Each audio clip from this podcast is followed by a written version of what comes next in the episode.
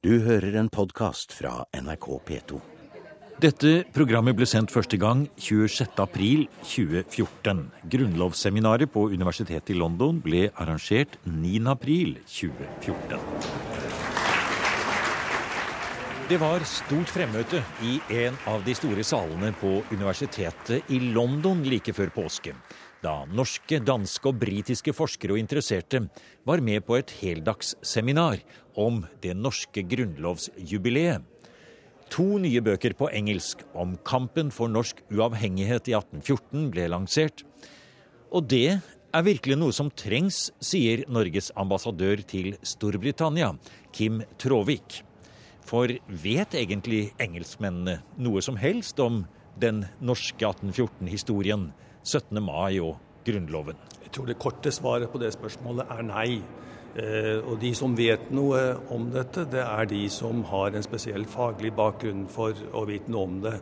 Og hvis de gjør det, så er det naturligvis som en del av det bredere spillet i napoleonskrigenes Europa og eh, i tilknytning til Kiel-freden.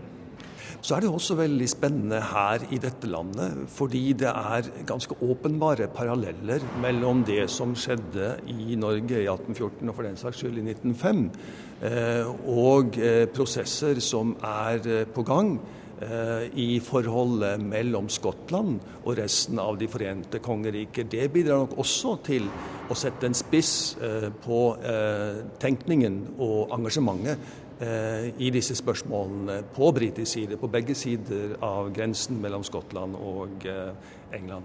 Hello, I'm Jess. I do Viking studies at UCL. I'm in my first year. My name is Anna Dodd, and I am doing Scandinavian studies with film studies, and I'm also doing Norwegian. Det er nærmere 20 studenter som lærer norsk og skandinaviske språk ved universitetet i London i et treårig studieprogram. På seminaret om det norske grunnlovsjubileet i London hadde noen av dem laget presentasjoner av hvordan de oppfatter Norge. For mange av de tilreisende norske deltakerne måtte jo spørre seg hva det er som gjør at unge engelske studenter velger norsk. Um, well, yeah, is, is the most beautiful, I think we all agree, out of the Scandinavian languages. And um, it's not really taught a lot in school, like um, in England anyway. Like everyone knows the Scandinavian countries are kind of there, but not much is really said about them, not much is really taught, and it's just kind of a big mystery to be solved, really. Språket er litt eksotisk, det er få steder man kan lære det, og vi vet at Norge er der. Men det fremstår som et stort mysterium som vi vil finne ut av, sier Jess Scott, som er førsteårsstudent. Hun har valgt vikingtiden som fordypningsemne, siden hun mener den norrøne påvirkningen i Storbritannia er stor. There's, I think it's influenced our culture in a bigger way than we think, like especially nowadays, because it's more recent than the Roman age or like the Celts or the Saxons. And yeah, I just think there's a bigger influence than we realize in place names and things. Mm -hmm. Also... Uh, jeg synes at kjærlighet er det viktigste i livet. Med kjærlighet kan man oppnå alt. Man kan bli god til noe hvis man elsker dette. Oh, very good. Uh, how long have you been studying Norwegian? This is my first year. Kanskje litt overraskende og i hvert fall oppmuntrende for det norske selvbildet var at mange av studentene som hadde valgt norsk som studieretning ved Universitetet i London, mente at likestilling for kvinner, rettigheter for alle og små klasseforskjeller i samfunnet var noe som kjennetegnet norsk kultur. Jeg vil gjerne svare at en positiv holdning til livet er det viktigste. Uh, men i praksis synes jeg at respekt er det viktigste i livet. Uh, Very good. You pick up very easily on the Norwegian language. Oh, thank you. I don't think so, but thank you. Have you been to Norway? Uh, no, but I plan to go there for the uh, 17th of May next month. Men på tross av imponerende norskstudenter på UCL, så er det ikke så enkelt å sette seg inn i den nordiske 1814-historien for et engelsktalende publikum. Nei, internasjonalt så har det jo egentlig ikke vært skrevet så veldig mye om noe av det som skjedde i, i Skandinavia. Eh, man har kanskje nevnt det, og hvis det har blitt nevnt, så har det ofte vært veldig feil eller veldig basert på gamle, utdaterte forestillinger. Så man har jo fått en situasjon der hvor historien om napoleonskrigene i Skandinavia ikke har blitt fortalt for noen andre egentlig enn et skandinavisk publikum. Og da har det jo blitt vanskelig for si, internasjonale eh, forskere og historikere som forsøker å skrive syntesehistorier og, og, bøker om hva som skjedde i hele Europa, men hvor da mm, Skandinavia eller, eller Norden blir bare et mørkt eh, område som man ikke vet så mye om, og heller ikke finner så veldig mye litteratur om i det hele tatt. Og vi hørte jo dere fikk egentlig veldig strålende og hyggelig kritikk her av internasjonale forskere også. Og en av de tingene som ble nevnt, var at her kan faktisk det Eh, den boken som dere nå har skrevet, direkte påvirke både nær sagt forelesninger, nye bøker som blir skrevet også?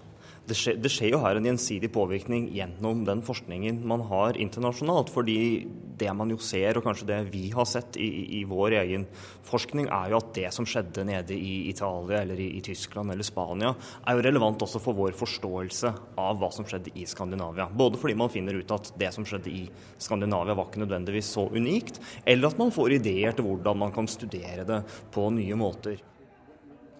Erfaringer med krig og nasjonalitet i Danmark og Norge fra 1807 til 1815 er tittelen oversatt til norsk på boken Morten Nordhagen Ottosen og Rasmus Glentøy har skrevet.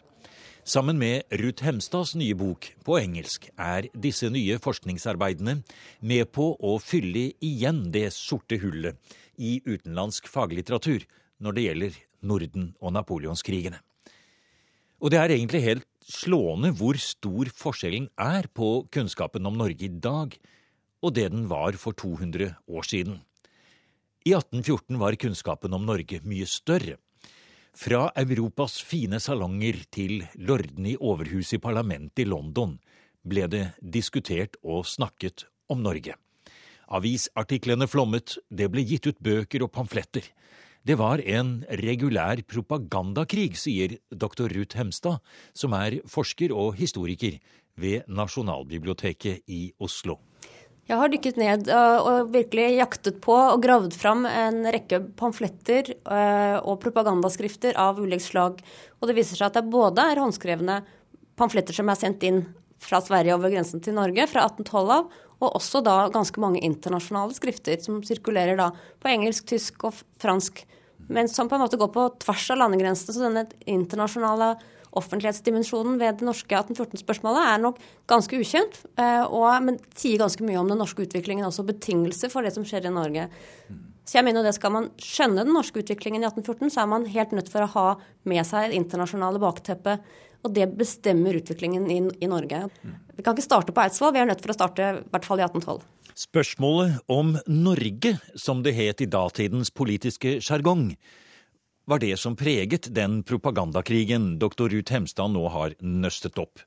Kanskje overraskende nok at Norge var gjenstand for en så intenst internasjonal diskusjon.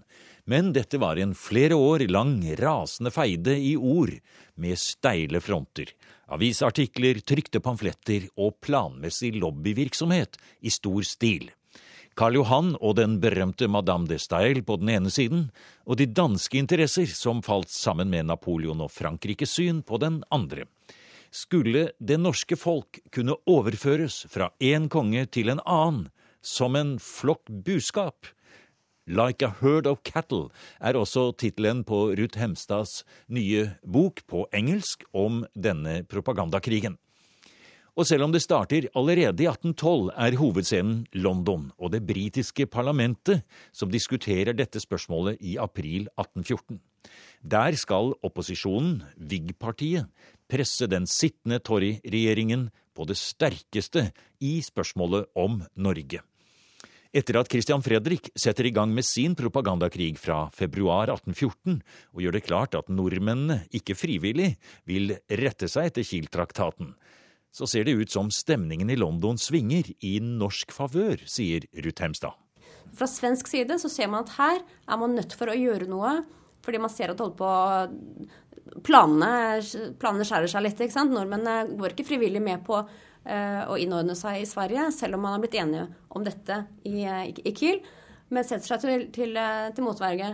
For her er det jo tidlig i 1814 positive omtaler i britiske aviser om den norske motstanden. Selvstendighetskampen til dette tapre norske folk. Men, men, siden vi snakker ut om dette med strategier i en propagandakamp. Eh, Christian Fredrik han er jo veldig flink til dette, tydeligvis. Han, han, produserer mye selv. Men når han sender sin meget gode venn og, og, og, og nære allierte Karsten Anker til London, så får han da med seg der en slags oppskrift på hvordan han skal forsøke å påvirke. Han får beskjed om å forsøke å la altså alt som er trykket og utgitt i Norge, bli publisert i britiske aviser og for den britiske offentlighet, slik at dette kan virkelig liksom, få gjenklang i det britiske parlamentet. Mm. Jeg kommer ikke over at han låner ut det flotte huset sitt oppe på Eidsvoll, og så sitter der borte i London og ikke får være med på noe. Men det han får, det er at han skal forsøke å komme i audiens med den britiske eh, statsminister. Noe han for så vidt får, men blir litt skuffende, vel. Og det blir vel ikke så veldig mye kontakt der. Han kommer til Storbritannia 24.3 og får et kort møte med statsminister Liverpool 26.3. Ja. Og da er Liverpool veldig tydelig på at Storbritannia støtter Sverige og den svenske politikken, og at svenske politikken og Karl Johan dessuten har lovet nordmennene gode vilkår i denne nye unionen.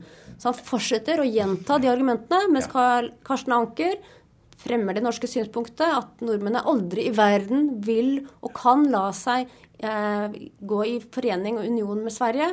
De vil heller dø enn å bli svenske. Men VIG-partiet ja, VIG de kaster seg over denne Karsten Anker som er der. Og eh, de blir vel nesten venner, lederen i VIG-partiet og Karsten Anker. Og da må vi jo med en gang uh, si at alle som nå drikker en kopp te, de kan uh, for alltid huske navnet på hvem som er lederen i VIG-partiet. Lederen i VIG-partiet Overhuset er Earl Grey. Ja, er det, er det, det te? Er han. Det er han med teen. Er det det? Ja. Ja. Så denne Earl Grey han er en fremstående politiker, blir senere statsminister også i Storbritannia. Men det er ikke før 10-15 eh, år senere.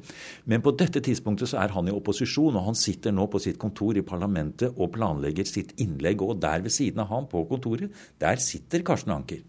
Karsten Anker forsøker jo først med rimelig her å påvirke regjeringen. Når han skjønner at det slett ikke går, så forholder han seg til å, å ta kontakt med opposisjonen. Eh, mens debatten starter 21.4 med et spørsmål om det er slik at Storbritannia fortsatt er i krig med Norge, som det blir svart bekreftende på, eh, og at blokaden da blir vedtatt. Og det skjer 29.4. april. Ja, det er jo et skikkelig setback. Ja, absolutt. ikke sant? Så her er det på en måte å, å bruke, sette makt bak kravene i forhold til at stormaktene støtter Sverige. Og dette er direkte koblet til Stockholmstraktaten fra 1813, hvor man fra britisk side lover å bruke marine midler for, om nødvendig eh, for å støtte Sveriges krav. Sånn at da kommer blokadevedtaket. Og dette blir jo veldig omdiskutert og hardt angrepet av, av eh, opposisjonen, som sier at dette er å utsulte et frihetselskende folk til å tvinge dem inn eh, i en union som de slett ikke ønsker. Det er Tory-regjeringen, en konservativ eh, regjering, som, som, sitter med makten og har gjort disse avtalene med, med Karl Johan, mens den liberale Whig-opposisjonen eh, griper nærmest ivrig tak i dette spørsmålet og gjør det til en partikonflikt. Og, Det er også med på å, å få det såpass høyt opp på agendaen og gjøre det til såpass stor konflikt i, i, Storbritannia. Samtidig så er det noen prinsipper i spill som er, som er lett for Whig-opposisjonen å, å arrestere regjeringen på. For her har man jo samlet gått mot Napoleon som, som tyrann og Napoleons eh, stadige brudd på folkeretten. Og så risikerer man på en måte å gjøre akkurat det samme selv ved å støtte da nærmest en, en fransk tyrann ved Sveriges eh, trone som galter og valter med landområder som ikke er erobret, og som man ikke er i krig med. Og i det hele tatt det er noen manøvre der som er problematiske. Og problematisk er det også i høy grad for britenes statsminister, Tory-partiets leder lord Liverpool. Kanskje er det Karsten Ankers lobbyvirksomhet som begynner å virke. Selv om statsminister Liverpool utad sørger for flertall for Sveriges syn og fortsatt boikott av Norge, synes han hele saken er awkward, ubehagelig. Det er helt påfallende, sier jusprofessor Ola Mestad. At mannen som leder hele det britiske imperiet i krig mot keiser Napoleon, har problemer med å presse lille Norge. Det er jo som du sier, det er awkward. Han skriver faktisk både i mai 1814 og september 1814 i hemmelige brev at dette er the most awkward issue. Og hva er det? Det må være at han føler at det å love å støtte Sverige til å overdra Norge når Norge ikke vil, det er noe ufint, noe nesten råttent ved det. Og det må ha å gjøre med oppfatninga av Norge som et fritt folk som sjøl skulle ha lov å velge. Vet, en ting som er grunnleggende spesiell med Norge og Sverige eh, i 1814, er jo at Norge er ikke erobra. Det er Trikset til eh, Karl Johan var jo å erobre Norge i Holstein. Mens nesten alle eksempler på at eh, landområder og hele land er blitt overført mellom konger, det er jo at først erobrer du, så inngår du en fredsavtale, og i fredsavtalen blir faktum på bakken på en måte eh, formalisert. Og så tenkte en seg da at folket hadde rett til å samtykke, men hvis de da samtykte stilltiende, så var det på plass. Dette var problemet med nordmennene. De samtykte jo ikke i det hele tatt. De protesterte jo. De protesterte rett og slett. Og Derfor så driver Liverpool og, og sier i parlamentet faktisk også jeg tror ikke dette er en ekte protest. Vi veit ikke ordentlig hva nordmennene mener. De er, de er blitt ført bak lyset av eh, Christian Fredrik.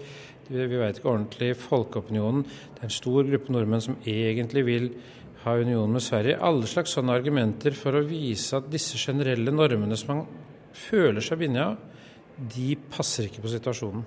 Og det som jo er interessant for oss å legge merke til, kanskje, da, det er at det har vokst frem en internasjonal rett på dette tidspunkt.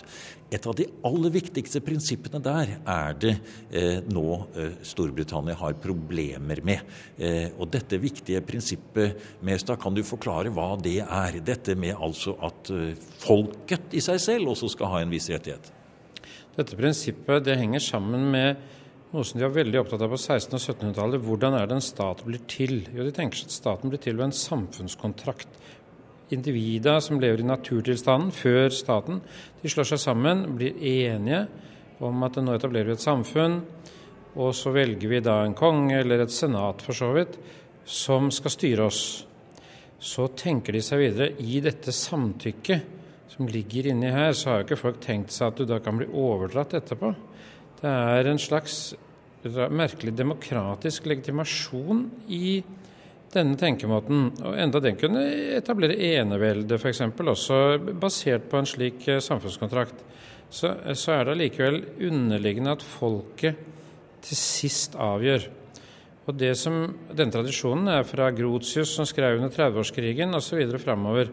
Eh, men så tror jeg den blir mer akutt eller aktualisert på slutten av 1800-tallet. Eh, fordi Eh, disse egentlig verdige skriftene som har vært laga gjennom 200 år, eh, de inneholder denne tanken om folket og folkets rett til å samtykke til en sånn overdragelse. Og så tenker jeg meg at den franske revolusjon har jo satt på dagsorden, og den amerikanske delvis også, folkets sjølbestemmelsesrett. Det En legger på en måte mer i det med at folket skal samtykke ved lesing av de gamle tekstene i denne perioden enn en tidligere hadde gjort. Og dermed tror jeg det blir mer akutt eh, hvordan en skal legge vekt på hva folket gjør. I tillegg er det en annen aktualisering, og det er rett og slett at England og koalisjonen mot Napoleon har jo sagt gang på gang at folkene må være frie og bestemme, så de skal ikke erobres av Napoleon. Så den språkbruken slår jo også tilbake på dem igjen når de nå skal diskutere situasjonen for Norge. Så du har både en slags sånn demokratiserende teori, kanskje, pluss den mer akutte retorikken. Alt dette gjør at det kan bli ei klemme her nå hvis du vil skyve eller presse nordmennene over til Sverige uten at nordmennene sjøl vil. Og hva nordmennene selv vil, det er et morsomt stikkord til et annet av innleggene på det store grunnlovsseminaret ved Universitetet i London. Professor Iver Neumann ved NUPI og London School of Economics påpekte at den gangen nordmennene var en del av unionen med Danmark, så var ikke Norge en undertrykt koloni i det danske imperiet. Det er et syn som har blitt konstruert lenge etterpå, i nasjonalismens ånd. Ja, Det er veldig morsomt å se på norske nasjonalister snakke om dette. fordi da er det plutselig slik at uh, Norge var undertrykket osv. Men det er jo ikke riktig. Norge var jo på undertrykkernes side. Hans egen, som var uh, Grønlands apostel, var jo f.eks. fra Harstad. Og uh, en av guvernørene, altså lederne i den indiske kolonien Trankebar, var jo Anker fra Bogstad gård. Og slaveskipene var jo bemannet av en haug med nordmenn osv. Så, videre. så Norge var jo, på samme måte som skottene i det britiske imperiet, en veldig viktig del av hele det imperiske trøkket, om du vil. Så eh, det er vanskelig å skille dem fra det. Men eh, for nasjonalister ser jo dette annerledes ut. I 200 år nå så har jo folk fulgt Nicolai Wergeland, altså Henriks far, som skrev en, eh, en bok. Like etter at Norge ble pælma ut av det danske imperiet. Eller det ble jo ikke pælma ut, det var de stormaktene som rev det vekk, vekk fra København. Og um, der var poenget altså alle de urettene som danskene hadde begått overfor nordmennene. Det var jo ikke historisk korrekt i det hele tatt. Det var et politisk prosjekt. Og det å snakke om en 400-årsnatt er jo fortsatt et politisk prosjekt. Det er ikke noe hold i det rent faglig sett. Når vi nå ser på hvordan dansketiden og 200-årsjubileet fokuserer på dette som vi nå har vært inne på, om Norge var eller ikke var en del av et imperium, så kan man vel kanskje si at dette at du kommer med denne nær sagt påpekningen, det er ikke noe som, som du sa, det, du forventer at dette er ikke noe man liker å høre? Nei, jeg tror at man eh, altså Hvis dette hadde vært midt i en EU-debatt, så tror jeg dette ville vært veldig kontroversielt. For da blir det plutselig veldig viktig for nasjonalistene å slå ring om nasjonen osv. Men nå er jo situasjonen den at uh, de aller fleste i Norge har glemt at, uh, at det finnes et, en europeisk union, og hele spørsmålet om Norges tilknytning til Den europeiske union ligger nede. Og da er det kanskje mulig å få et pusterom og, pusterom og diskutere disse tingene faglig. Det skal man ikke se bort fra. Og i Danmark så er det en strukturell glemsel, som du sa. Altså man har rett og slett glemt at man var et stort imperie. Ja, og det er jo eh, såpass ille at uh, en god del dansker ikke engang husker at Norge var en del av den København-baserte politiske enheten. Jeg spurte en uh, dansk doktorgradsstudent jeg har her ved London School of Economics, når Island forlot Danmark. Han hadde ikke peiling, så sa jeg gi meg et århundre, da, så sa han 1700-tallet. Men det riktige svaret er jo 1944. Ja. Så det er ganske smått stell. Og du vet, dette skal du ikke holde mot hver enkelt danske. Dette er eh, danske historiebøkers for skolens skyld. Og de er jo gjennom nasjonale, i den forstand at de tar utgangspunkt i at Danmark alltid har sett ut sånn som de gjør nå, hvilket er det rene sludder. Det jeg ønsker meg, og det jeg har forsøkt å bidra til med det prosjektet som uh, Morten Andersen og andre kolleger har holdt på med, det er å sette dette inn i en generell europeisk ramme og vise at uh, norsk historie er ikke noe pappsløyd vi driver med sånn langt i nord. Det er en helt integrert del av europeisk historie som alltid må sammenlignes med hva som skjer andre steder, og forstås i samspill med hva som skjer andre steder. Ellers gir det rett og slett ikke mening. Og 1814 er jo et glimrende eksempel på det. Det er stormaktene som sørger for at Norge må forlate Danmark. Det er ikke Norge selv. Og dette er jo der vi burde begynne, ikke der vi burde slutte. Men vi slutter der vi begynte, med propagandakrigen om det norske spørsmål, som toppet seg i debatten i parlamentet i London i april og mai 1814. På tross av T-lord Earl Greys elokvente sluttappell fikk stormaktene det akkurat som de ville, og sendte stormaktskommissærer opp til Norge for å instruere Christian Fredrik og det opprørske Stortinget om å følge Kiel-traktaten.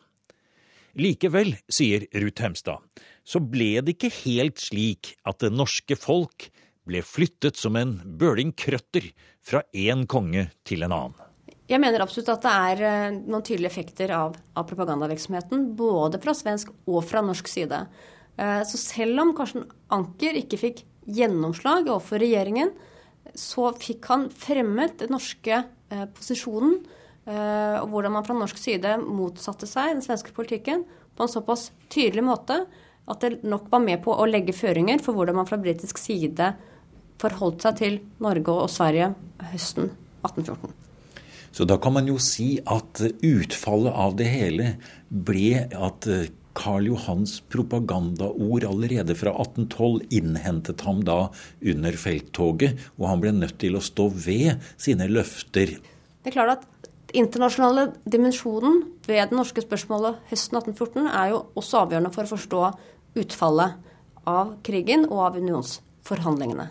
Sånn at Karl Johan hadde gått såpass langt ut. Man kan si at det var et propagandatriks på én måte. Og det var den vanlige norske oppfattelsen av disse løftene. Man kjente jo godt til løftene, men man avviste dem som søte ord og tomme løfter som man ikke kunne forholde seg til overhodet. Eh, mens i Storbritannia og den britiske regjeringen så forholdt man seg til dem og brukte dem. Sånn at eh, Karl Johan kunne ikke uten videre gå vekk fra de løftene, mener jeg, uten å på en måte pådra seg stormaktenes ytterligere vrede. Og dette var jo en situasjon hvor stormaktene, eh, europeiske landene, samlet seg i Wien, Wien-kongressen fra oktober 1814. Og Karl Johan ville absolutt ikke at spørsmålet om Norge skulle havne på bordet der. Så at han måtte løse spørsmålet, forhandle med nordmennene. Og de han da hadde å forhandle med, var jo Stortinget. Så, sånn sett så var det da ikke en flokk med kveg som ble overført fra den ene fyrsten til den andre, men Karl Johan som måtte forhandle med de som representerte Norge, det nyvalgte Stortinget, høsten 1814. Du har nå hørt en podkast av programmet Museum fra NRK P2. Send gjerne en e-post til museum krøllalfa nrk.no.